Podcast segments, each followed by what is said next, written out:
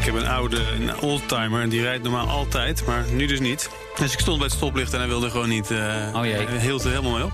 Want je, hebt wel, want je hebt wel verstand van beleggen, maar niet van auto's. Exact, exact. nou, ik ben blij dat je hier toch bent aangekomen, dus we gaan beginnen.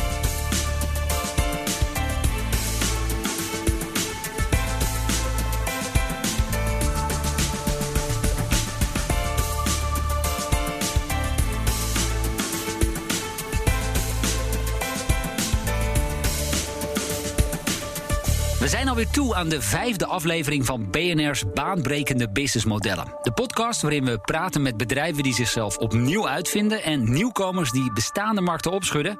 Ik ben John van Schagen en aan mijn zijde zoals altijd Patrick van der Pijl.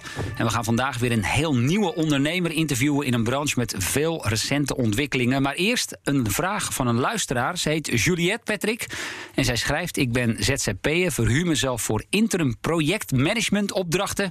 Hoe kan ik mijn eigen businessmodel in kaart brengen? Kan dat? Ja, dat is gewoon zeker. En je hebt daarvoor negen simpele vragen die je zelf kunt stellen. Alleen er zijn wel drie belangrijkste vragen waar ze mee kan beginnen. De eerste is wel echt de klant op wie je nou echt gaat focussen. Want anders ben je veel te breed um, uh, aan het opereren. En niet even snel opschrijven, maar dat je echt eventjes goed over nadenkt. Is het een corporate klant? Is het een MKB-klant? En wat is uh, zijn of haar rol?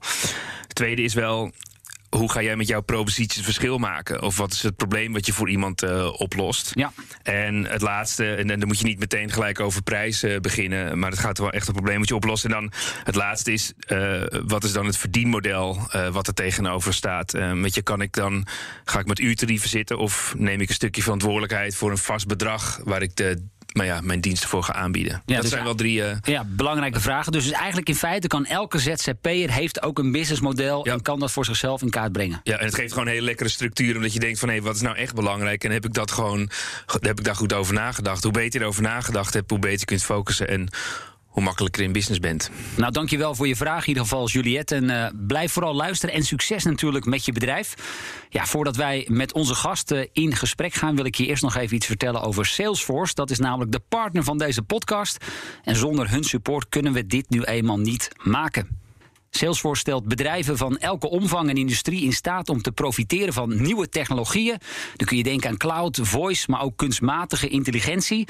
Met als doel om op de meest effectieve manier verbinding te maken met je klanten. Nou, zij adviseren ook op het gebied van innovatie en groei om zo succesvol te zijn in het digitale tijdperk. Partner dus van deze podcast Salesforce. Nou, volgens mij, uh, onze gast die staat inmiddels uh, te trappelen van ongeduld. Van wanneer kom ik nu eindelijk aan de beurt? Nick Portot van de mobiele broker Bux. Van harte welkom, leuk dat je er bent. Super om hier te zijn. Ja, nou ja, mensen geloof ik in het wereldje kennen jou al wel wat langer. Hè? Met name van Binkbank, want daar ben je ooit begonnen hè? Klopt, ja. Ik ben in uh, 2000 heb ik mede aan de wieg gestaan van Bink. 12,5 jaar gewerkt. Um, heel veel geleerd over, uh, over uh, beleggen, over uh, de beurs. En na 12,5 jaar gezegd, nou, nu, nu, nu wil ik het zelf gaan doen. Ik zag een hele interessante kans. Ik zag namelijk dat, dat de bestaande online brokers um, beleggen toch wel heel ingewikkeld maken. Um, toch nog wel een beetje duur. en niet alleen het beleggen zelf ingewikkeld, maar ook het, heel simpel iets als klant worden. Um, en dat terwijl er eigenlijk heel veel mensen zijn in Nederland en in Europa die graag willen beleggen, maar het niet doen vanwege die redenen. Ja. Patrick, beleg jij zelf eigenlijk? Uh, nul. Ja, ik, ik, investeer in mijn vrouw en dat is best een uh, goed rendement. Maar, ja, uh, heel goed. Heel niet goed. op de beurs, nee. Nee, nee, ik zelf ook niet. Ik moet zeggen, ja, mijn vader die heeft daar in het verleden is wel actief geweest op de beurs. Maar ja, ik ben misschien een beetje verpest, want hij heeft nooit echt hele goede rendementen gehaald. Dus ik heb me er altijd een beetje afzijdig van gehouden. Maar ik vind het wel een interessante markt. En wat ik ook wel even wil weten, want je zegt, ik zag een kans om het beter te doen. Terwijl Bingbank destijds in 2000 was wel ook heel erg vernieuwend. Wat, want hoe verklaar jij het succes van dat bedrijf destijds? Nou, ik denk, ik even, even uh, goed, duidelijk zijn. Ik denk niet dat om het beter doen, maar ik, ik zag een veel grotere markt. Ja. He, dus, dus, dus partijen als Bink, en laten we het niet alleen over Bink hebben. Ik ben overigens heel loyaal aan Bink, want uh, ik heb daar 12,5 jaar super, super, tijd gehad. Um, maar partijen als Bink, en in elk land heeft één of twee Binks, die richten zich echt op, op uh, een actieve, ervaren belegger. Die, die, die echt in, in, in zijn beleggingen wil duiken, of in haar beleggingen. He, die, die dus huiswerk wil doen, et cetera. En, en heel veel mensen die willen wel beleggen. En sterker nog, met, met tegenwoordig met de lage rentes en met het pensioenstelsel dat steeds minder wordt, moeten mensen gaan, gaan beleggen.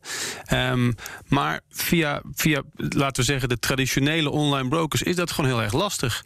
want het, het klantwordenproces is lastig. Maar ook als je eenmaal een rekening hebt, ja, dan zie je uh, een hoop knipperende lampjes, een toch wel ingewikkelde inter interface is niet gericht op, op, laten we zeggen, de wat jongere generaties. En dat is precies waar wij ons wel op richten. Nou, voor hoe je klant wordt bij Bux, daar gaan we het straks over hebben. Want Patrick en ik hebben de app allebei gedownload. Maar eerst even aan jou de vraag, Patrick. Want hoe verklaar jij dat die beleggingsmarkt zo ongelooflijk in beweging is de afgelopen tien jaar? Ja, aan de ene kant denk ik ook wel wat Nick net zei. Is um, als je nu geld op je bank zet, dan uh, moet je geld uh, betalen. Dus daar is wel een uh, ja. marktomstandigheid. Maar een ander belangrijk aspect is ook wel de technologieontwikkeling. Want ik denk wat, wat dit model doet, is dat je uh, die investeringen mogen maken door gebruik maken van die technologie. En eigenlijk kon je dat ook wel een beetje zien destijds met iTunes. Weet je, het is niet in het bedrag te vergelijken, maar waar je een groot CD-album had. En dan was je 40 euro kwijt. En bij iTunes kon je een single song uh, afnemen. En bij Spotify zelfs een heel kleine stream. En wat je hier ziet, is dat die, door die technologie de drempel wordt verlaagd. Omdat je dan ook met kleinere bedragen kunt uh, investeren. En het wordt je ook gewoon veel en veel makkelijker gemaakt. Dus je ziet dat met een druk op de knop um, kan je dat gaan doen. En dan zie je uiteindelijk dat daardoor dus een heel complete nieuwe markt aan je voeten ligt. En dat vond ik wel opmerkelijk dat Nick dat ook zei. Want dat waren ook uitspraken destijds bijvoorbeeld van uh, uh, Steve Jobs. En het waren ook uitspraken van Spotify. Omdat zij steeds niet naar de bestaande markt keken. Maar zeiden van ja, als wij het dus makkelijker maken, is er dus een veel grotere markt. En Nick, dat is volgens mij ook precies de manier waarop jij naar beleggen bent gaan kijken. Absoluut, ja. Ik, ik, ik kan me nog herinneren dat, uh, dat wij ons vijfjarig bestaan met, met Bink hadden. En toen hadden we een event in de arena. En toen hadden we 50.000 klanten. En toen stond ik met, uh, met een van de Bink-oprichters in de arena. En toen keken we zo eens om ons heen. En zeiden we, nou, we hebben dus na vijf jaar hebben we de hele arena gevuld met klanten. En met Bux zijn we nu met ons nieuwe product Bux Zero. Dus dat, dat is de app waarbij je zonder commissie te betalen kan beleggen. Zijn we nu een jaar bezig. En zitten we inmiddels op 115.000 klanten na één jaar al.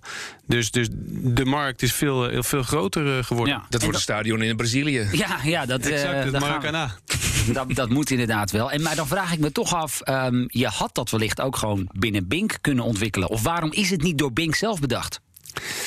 Ja, dat, ja dat, dat zie je natuurlijk vaker. Dat een bedrijf, als het eenmaal uh, 10, 12 jaar bestaat, dan, uh, dan ben je nog steeds een relatief jong bedrijf. Maar tegenwoordig heb je dan al heel veel uh, legacy, zoals, zoals ze dat zeggen.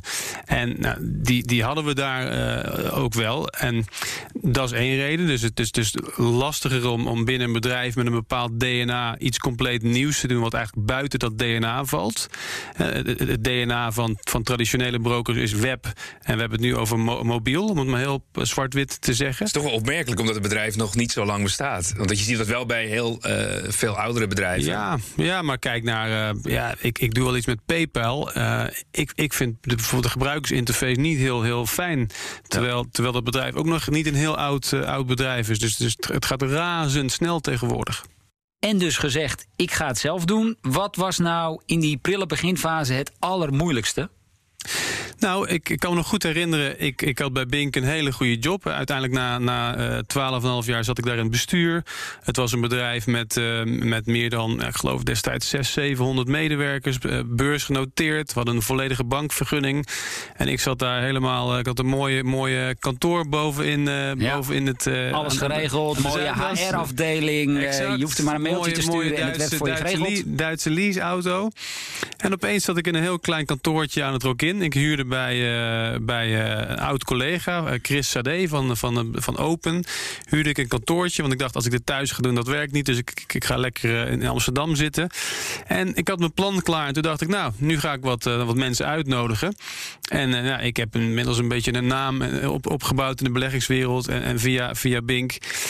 dus ik dacht dat dat heel makkelijk zou zijn. Maar dan blijkt toch dat mensen het best wel heel spannend vinden om bij een bedrijf te gaan werken wat, wat nog niet, ja, wat eigenlijk nog niet ja. draait. Dus gewoon het vinden van programmeurs. Dat was een, echt een uitdaging. Nou, in, in, het begin niet eens van programmeurs. In het begin vond iedereen het wel eng om, uh, om mee te doen. En, en inderdaad, developers, programmeurs, dat is het, dat is het allermoeilijkste, ja. We zouden kunnen zeggen dat jij je op een heel jong publiek richt. Maar dat dat is, daarmee doen we je misschien iets te kort, hè? Nou, wij hebben, dat weet je misschien ook, wij hebben twee apps. En wij zijn zes jaar geleden met onze eerste app, Bugs X, begonnen. Ja. Dat is inderdaad een vrij uh, jeugdige app met veel kleuren. Uh, um, um, onze tone of voice is ook heel jeugdig. We hebben een jaar geleden Bugs Zero gelanceerd, waarbij je in echte aandelen en ETF's belegt. Um, we hebben natuurlijk een beetje dat, ja, dat, dat DNA in ons bedrijf van jong en jeugdig. Maar het, helpt, het helpt eigenlijk niet om je alleen op 18-jarigen te richten. Want dat, dat is een heel lastig businessmodel in de beleggingswereld. Ja. Dus we zijn, en ik hoop dat de, dat de luisteraar dat ook, ook, uh, ook ziet. We zijn langzaam een shift aan het maken met Bugs naar toch een wat serieuzer bedrijf. En we, we partneren ook met ABN AMRO bijvoorbeeld. Dus als jij bij Bug Zero jouw geld neerzet, dan staat dat eigenlijk bij ABN AMRO. Um, dus het is een ene, aan de ene kant een heel innovatief bedrijf met een jeugdige uitstraling. Maar aan de achterkant zit het gewoon super solide in elkaar. En ja, is, is iemand van 70 ook hartstikke welkom. Ja. En, en het grote verschil met de meer traditionele spelers is... alles gaat via de mobiel. Dat, dat is een. Nou, dat, dat, nee, dat, ik zou het anders willen zeggen. Um, uh, je hebt. Ik, ik, laat ik de vergelijking trekken met, met, met de, de, de Neo-banks of de Challenger banks. In Nederland hebben we Bunk. De Bunks, hè? Hartstikke mooi bedrijf. We hebben in Duitsland N26. In, in Engeland hebben we Revolut. En, en, wat die bedrijven heel goed doen, die begrijpen heel goed hoe jonge mensen, of, of laat ik zeggen, hoe, de, hoe digital natives, want het, ik wil het niet alleen over jonge mensen hebben, hoe die met hun telefoon omgaan. Um, als jij, en dan heb ik het even over niet over financiële apps, maar als jij gewoon een app gebruikt, of het nou Instagram is of Airbnb of, of welk andere app, die gebruik je op een bepaalde manier. En je bent aan een bepaalde gebruikservaring gewend. Nou, die ervaring die willen mensen ook hebben in een, in, in, een, in een financiële app. Of het nou een bank is of een broker. En voor, voor bedrijven die eigenlijk een web achtergrond hebben, is het heel moeilijk om die slag te slaan. Dus traditionele brokers, die hebben ook allemaal apps. Maar die apps zijn toch een stuk minder qua, qua gebruikservaring dan partijen die zich helemaal van from scratch begonnen zijn. Dus, ja. het, dus het gaat niet alleen om, oké, okay, we hebben een app, maar het gaat om het, het hele denken rondom die app. Ja, en dat moet dus zo gebruiksvriendelijk mogelijk. Uh, Patrick, jij nam de proef op de som. Uh, ja, hoe ging dat? Ja, ik ging um, naar de App Store en um, uh, ging in de, in de download-modus. Dus ik downloadde eerst de X. en um, wat me opviel zeg maar, is dat je echt onwijs veel vragen moet beantwoorden. Ja. Dus op een gegeven moment, toen bij mijn ID, dacht ik: oh, nu kom ik bij mijn rijbewijs. En dan uh, verlies je de interesse. Maar ik dacht, dat snap ik ook wel. Want je moet natuurlijk wel uh, begrijpen met wie je te maken hebt. Want het is natuurlijk ja. geen uh, witwas-app of nee. iets anders. Hey, het viel mij ook op ontzettend veel vragen. Maar dat is waarschijnlijk ja. wettelijk verplicht. Dat is wettelijk verplicht. En dan hebben wij dat nog heel erg teruggebracht. Uh, wij, wij, doen, wij doen metingen, want we hebben een, een, team dat, dat volledig is gericht op onboarding. En het is mogelijk om binnen, laten we zeggen, vijf tot tien minuten klant te zijn. Um, ja, vergelijk dat met weer met die traditionele partijen. Daar duurt het vaak één tot twee dagen. Dus dan is vijf tot tien minuten heel snel. Maar ik kan me voorstellen, als je dit niet gewend bent. en je opent natuurlijk niet elke dag een officiële rekening. Hè, want dit is gewoon een officiële bankaire rekening. Dat je denkt van wow, ik moet wel het moet wel veel, veel ja. gegevens invullen. Ja, als ik me inschrijf voor een datingsite bijvoorbeeld, uh, sorry Sat, dan, uh, ja, dan heb ik dat volgens mij binnen een halve minuut gefixt. Maar ja, volgens we, mij. Ja, nou ja, ja maar, denk, zit, denk ik, maar denk de, in, binnen dating apps zitten waarschijnlijk ook een hoop mensen die, die, die niet zeggen wie nee. ze zijn. En dat is bij ons juist wel heel belangrijk dat we precies weten wie dus, er aan boord komt. Patrick, wij moeten er misschien gewoon even aan wennen dat als je wilt gaan beleggen, dan is dat gewoon, als je dat binnen vijf of tien minuten kan regelen, is dat gewoon best snel. Ja, maar ik, ik denk ook, kijk, als je dit vergelijkt met uh, de, traditionele BIS-modellen, waarbij het bij de ja, wat meer highbrow bankiers komt die zich zelf heel interessant vinden en die moeilijk te, bereikbaar, uh, moeilijk te bereiken zijn, dan kun je dit echt als een heel disruptief uh, businessmodel zien. Um, dus ik, ik, het hangt heel erg af altijd bij een businessmodel in welke context je dat bekijkt. Maar ik denk ook wel nu dat je aangeeft, ja, je opent, opent eigenlijk gewoon een rekening. Uh, dan ga je ook met een andere mindset uh, de app downloaden. Al merkte ik wel, um, die X was wel ingewikkelder dan die, uh, dan die 0. De, die ja. 0 die dacht ik van, hé, hey, dat is... Um... Ja, ja. ja je, hebt, je hebt dus Bugs X en Bugs, ja, wij noemen hem Zero, maar in het Nederlands 0. Ja. Um, bij Bugs Zero beleg je in aandelen. Dat, dat, dat, dat wordt gezien door de wetgever als een niet complex product. Bij Bugs X beleg je in een derivaat, een afgeleide product. Dat, dat is speculatiever. Dus daar zijn wij ook verplicht, en dat willen we zelf ook graag, om meer vragen te stellen. Want daarbij kun je, laten we zeggen, heel veel snel geld verdienen, maar ook snel geld verliezen. En bij Zero gaat het veel meer om middellange tot lange termijn beleggen. Goed, Patrick heeft de app dus nu op zijn mobiel. Um, autorisatiemailtje gehad, alles gefixt. Waaruit blijkt nu dat hij van jou een ultieme gebruikerservaring krijgt? Ja, het begint bij, uh, bij de app zelf. Hè, bij bij, bij uh, interface van de app. Uh, de, de, gebruikservaring in, die app, in de app. Om even een concreet voorbeeld te geven. Ja, Als graag. je naar een traditionele broker gaat.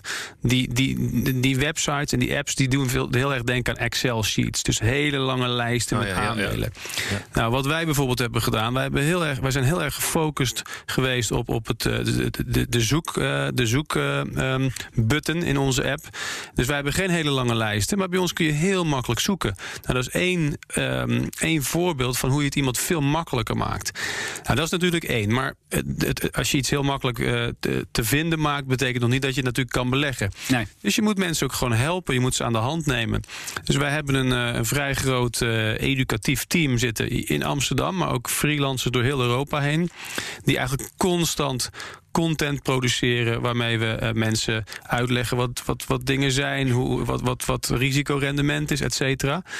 En ehm, een volgende stap die we gaan nemen, en dat, dat noemen wij automated investing, eh, geautomatiseerd beleggen. Eh, daar komen we volgend jaar mee. En daarbij kun je zeggen, nou, ik stel een, ehm, ik, ik, ik stort elke maand 50 euro of ik stort elke maand eh, 250 euro. En dat beleg ik in een, in een soort vo- vooraf gedefinieerd aantal aandelen en ETF's. En dat wordt automatisch van mijn bank afgeschreven. En ehm, dat wordt automatisch belegd. Want dat is uiteindelijk de beste manier van beleggen. Niet in één keer heel veel geld storten, maar juist elke maand een, een, een stukje van je, van je inkomsten investeren. Ik ga toch Zou even dan vragen. wel eh, concurrent zijn van eh, een pensioenfonds bijvoorbeeld? Omdat je... eh, ja, Zeker. Ja, vooral als je er dan nog een soort, een soort ja, banksparen oplossing van, van maakt. Dan, Ja. ja. dan ben je een volwaardig concurrent. Hey, en nu ben jij natuurlijk niet de enige speler op deze markt. Kijk je nou ook naar wat andere apps doen, wat andere bedrijven doen? En als zij bijvoorbeeld een ja, applicatie hebben dat je denkt, hey, vet, dat, dat wil ik ook. Zeker, tuurlijk. We leven niet in een soort bubbel. Dus Nee. ik, ik kijk zeker naar de concurrent. Maar je moet ook weer niet te veel naar de concurrent kijken, denk ik. Want dan laat je je gek maken. En dan, ga je, ja, dan, dan, heb je, dan zie je hier iets moois en daar iets moois. En dan, loop je constant achter het feit aan. En dan slaap je ook niet lekker als je eh, telkens iets op LinkedIn of op Twitter van je, van je concurrent ziet. Eh, dus vooral je eigen pad eh, belopen. Maar nou, natuurlijk kijk ik om me heen. En Patrick, zie je dat ook veel gebeuren? Dat, laten we zeggen, de succesfactoren van een ander businessmodel worden dan gekopieerd door bedrijven. Is, en is dat überhaupt makkelijk? Nou, ik denk dat eh, het spotten is eh, makkelijk, maar wij doen met ons team niet anders. Dus je ziet steeds op het snijvlak van eh, technologie, die natuurlijk alsmaar sneller gaat. Daardoor ga jij en ik als consument anders gedragen. Eh, en daar op dat snijvlak zie je allemaal nieuwe concepten en businessmodellen. Dat bestuderen wij. Maar dat betekent dus als je kijkt naar die, ehm, eh, zoals je dit noemt, zeg maar, de micro-investeringen, businessmodellen. Die zie je op een gegeven moment voorbij komen. En dan kan je wel heel veel van leren. Door te begrijpen van ehm, bijvoorbeeld, je hebt eh, een app in de US Stash of je hebt Robinhood. Hey, die vragen bijvoorbeeld een vaste vergoeding voor het gebruik van de app. Dan kun je nadenken: hey, gaat dat voor mij werken? Is dat een goed alternatief? Dus één is spotten wel.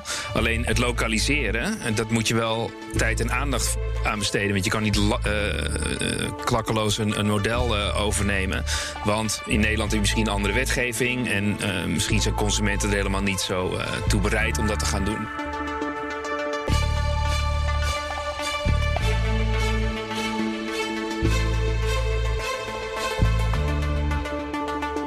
Luistert naar BNR's baanbrekende businessmodellen. De podcastreeks waarin we het businessmodel van bedrijven ontleden en ontrafelen. Mijn naam is Sean van Schagen. En ik ben Patrick van der Pijl. Onze gast in deze vijfde aflevering is Nick Bortot. Hij is de oprichter van Bux en zij bieden simpel beleggen met een app. Zometeen praten we met hem verder, onder meer over zijn verdienmodel. Maar eerst is het tijd voor onze wekelijkse rubriek. Wat komt er nu weer uit de oude doos? Elke week gaan Patrick en ik terug naar een bijzonder moment, een speciaal persoon of grappige anekdote uit het verleden rondom het thema van deze reeks businessmodellen. En Patrick, we beginnen zoals altijd bij jou. En we gaan geloof ik heel ver terug de tijd in, hè? Heel ver terug, maar ook weer dichtbij. Want we gaan ehm, naar 1602, maar we blijven in Amsterdam. En in 1602, dat was het begin van de aandelenhandel. Want eh, de VOC, dat was de eerste onderneming die onder een breed publiek aandelen uitgaf. En daarvoor konden financiers al meedoen. Eh, maar ja, die konden voor die enorme risicovolle tochten of geld verdienen of heel veel geld verliezen. En bij de VOC konden dan beleggers uit alle lagen van de bevolking voor het eerst investeren in een onderneming. Dus dat je eigenlijk ja, beoogt om veel meer voor de langere duur eh, te gaan investeren. En die handel nam een enorme vlucht. Dus de eerste emissie, kun je nagaan, dat was 6,5 miljoen gulden. En toen in 1606, vier jaar daarna, waren de stukken al met 200% gestegen. Wauw, dat zijn nog eens rendementen. Ja, en in 1610... Lijkt een beetje op Tesla. Ja, ja, ja klopt. gewoon al 400 jaar geleden. En uh, toen in 1610 eh, kwam voor het eerst uh, dividend uit. En na die eerste beursgang was er ja, een hele levige handel in Amsterdam. Ja, dat was ook wel dat Amsterdam de bakermat van de mondiale aandelenhandel uh, werd. Ja. Een mooi verhaal. De Amsterdamse effectenbeurs dus. Dat was nog eens een mooie businessmodel innovatie. Ik ga je ook mijn moment vertellen. Dat is iets recenter. We gaan namelijk terug naar het jaar 2010 op 6 mei om precies te zijn. Om kwart voor drie in de middag in New York. Um, Nick, heb jij enig idee wat er toen gebeurde? 6 mei zeg je? 6 mei 2010. Ik ga het je vertellen. De Dow Jones-index in New York die daalde binnen enkele minuten 10% in waarde. En de grootste daling was dat in één dag in de geschiedenis van de beurs. Nou, niemand snapte precies wat er toen aan de hand was. Uh, Twintig minuten later had de beurs alweer haar oude niveau bereikt. En ze hebben toen maandenlang onderzoek gedaan. En wat bleek? Een fout in een computersysteem. Een heel groot handelshuis die verkocht daardoor in één klap 4 miljard dollar aan effecten. En dat zet eigenlijk een soort sneeuwbaleffect in werking. Want al die computersystemen die reageerden daar weer op. En dat noemen ze dan een flash crap, weet ik sinds. Uh, flash crash. Flash crash moet ik zeggen. Ja. Een flash crash. Ja, ja. Nou, en dan zie je dus ook dat, het, dat ja, eigenlijk het businessmodel van die aandelenbeurzen is natuurlijk enorm veranderd. Hè? Want we zien nog ook een beetje van, van vroeger, hè, die gesjeesde jongens met vijf telefoons aan hun oren eind jaren tachtig, die druk aan het bellen waren. En ik geloof inmiddels dat zo rond de 60% van alle verhandelde aandelen via dit soort ingenieuze computersystemen gaat. Dat is ongelooflijk veel veranderd. Enorm veel, enorm veel. En, dat, en dat is ook misschien een van de redenen, of dat is een van de redenen waarom wij uh, aandelenhandel tegen 0 euro commissie kunnen aanbieden. Want het klopt precies wat je zegt. Het is leuk dat de anekdote. Begonnen natuurlijk met, met de, de handel op het, op het Damrak in Amsterdam. Maar goed, laten we even, even uh, 10, 15 jaar teruggaan. Toen had elk land nog zijn eigen beurs. En als, als broker uh, stuurde jij de transacties van jouw klanten naar die beurs. En vaak waren de, laten we zeggen, Nederlandse beleggers waren geïnteresseerd in, in, in Shell en in DSM en in Boskalis. Dus allemaal Nederlandse bedrijven. En dan waren er clubjes van mannen die kwamen s'avonds gezellig bij elkaar. En die gingen dan naar die aandelen kijken, beleggingsclubjes. Nou, dat is, dat is laten we zeggen, uh, de 15, 20 jaar geleden. Maar tegenwoordig heeft de wetgever heeft gezegd om, om uh, concurrentie tussen beurzen aan te wakkeren. Uh, van je mag ook je eigen beurs beginnen. Hè. Dat noem je een alternatief platform. En, en er zijn ook nog handelshuizen die ook transacties mogen uitvoeren. Dus in plaats van je, je, je transactie te sturen naar zo'n traditionele beurs, kun je tegenwoordig, uh, als jij een, uh, jouw klant wil aandelen uh, Adidas kopen, ik, ik kan die order naar, naar, naar misschien wel twintig verschillende beurzen sturen. En daardoor is er enorm veel concurrentie. En met Bux waren wij als een van de eerste, ehm, zagen wij als een van de eerste aankomen van hé, hey, dat gaat een enorme prijsdruk opleveren op de, de kostprijs van een aandelenorder. Dus in plaats van alles naar de Amsterdamse beurs, naar Euronext te sturen, hebben wij een soort uh, slim algoritme dat, dat uh, onze transacties naar de allergoedkoopste plek stuurt. En daardoor is onze kostprijs veel lager dan die, dan die voorheen was. Ja, wat ik me wel afvraag met al die computersystemen, snapt iemand nog in de wereld wat er allemaal gaande is? Dat is inderdaad een hele goede vraag. En, en vandaar is het ook heel goed dat, dat er toezichthouders zijn die daar heel nauwkeurig op letten. Uh, en die, die, uh, die, die ook met wetgeving komen die, uh, die, die dat, ja, die, die dat aan, aan, banden legt. Maar het gaat enorm snel allemaal tegenwoordig. Maar ja, er zijn, er zijn verschillende meningen over. Mijn persoonlijke mening is dat eigenlijk dat dat goed is voor, voor de uiteindelijke consument. En heb ik het niet alleen over mensen die bij Bucks beleggen. Maar kijk, jullie zeggen wel, ja, ik beleg niet. Maar je belegt wel, want je belegt via een pensioenfonds. Of misschien beleg je voor je hypotheek. Ja. Dus uiteindelijk zijn, is bijna, zijn er heel veel beleggers in Europa. Ehm, en en door, die, door die snellere systemen wordt eigenlijk de, de, de prijs van een aan- en verkoop veel lager. En daar profiteert iedereen van. Hier kunnen we overigens echt een week lang eh, mee vullen als, als we hier Zo over zullen we daar een nieuwe podcastreeks over maken. Maar dit, eh, dat is in ieder geval hoe ik er naar kijk. Ja. Jouw verdienmodel, daar zeg jij zojuist al iets over. Beleggen kan bij jullie, eh, het kan bij jullie zonder commissie. Het hoeft niet altijd, maar het kan wel. Waar zit dan voor jou de winst? Nou, wat we doen is wij bieden één ordertype gratis aan. Dat hebben we ook heel toepasselijk de zero order genoemd. En daarbij wordt jouw transactie aan het eind van de dag uitgevoerd. Ehm, dat is ons freemium model om het maar zo te zeggen. Als jij wil dat jouw transactie meteen wordt uitgevoerd... of als je wil dat die tegen een bepaalde prijs wordt uitgevoerd... dan betaal je daar 1 euro voor. Dan heb ik het even over Europese aandelen. Want, want we, we maken een verschil in, in, in, in, eh, in, in kosten tussen Europese Ja. en Amerikaanse aandelen. En ehm, als je op de lange termijn belegt, dan is het prima om, eh, om eh, dat jouw transactie aan het eind van de dag wordt uitgevoerd. Want als je op, op, op, op, laten we zeggen, een horizon hebt van 10 of 15 jaar, ja, dan maakt die paar uur heel, heel weinig uit. Maar er zijn mensen die zeggen, nou, ik wil dat die toch nu meteen wordt uitgevoerd. Of die willen tegen een bepaalde prijs uitvoeren. En nou, daar verdienen we ons geld aan. En als je dan kijkt naar hoe, hoe wordt daar dan gebruik van gemaakt? Zijn het inderdaad de meeste mensen die kiezen eh, voor dat freemium model? Of willen die toch wat dichter op de bal zitten? Ongeveer 20 tot 30 procent maakt gebruik van het freemium model en de rest eh, betaalt voor zijn transacties. Maar goed, 1 euro per transactie is nog steeds vele malen minder dan de 7, 8, 9 of 10 euro die je bij traditionele brokers betaalt. Belangrijk onderdeel natuurlijk ook van jouw businessmodel, dat zijn jouw eigen kosten. Waar zitten die met name? Eigenlijk hebben wij twee hele belangrijke kostenposten als je naar onze, naar onze, eh, eh, ja, onze kostenoverzicht kijkt. Eén is gewoon mensen. En wij hebben eh, 130 mensen in dienst in, in, in eh, Amsterdam en in, in Londen. En eh, nummer twee is marketing. Maar eigenlijk zijn de, de salarissen van onze, van onze mensen dat de belangrijkste. eh, nou, ik, wou, ik wil niet zeggen kostenpost, dat klinkt vervelend. Want Ja. eh, investering. Ja, Patrick, jij nog een vraag? Ja, ik vond het wel interessant ehm, om nog eventjes terug te komen op jouw eh, businessmodel. Want in feite zeg je dan dat je, ehm, als je kijkt naar de eh, verdienmodellen die er dan liggen, dan heb je dus als eh Bugs een keus. Ga ik geld vragen voor het gebruik van de app? Daar heb je een bewuste keuze voor gemaakt.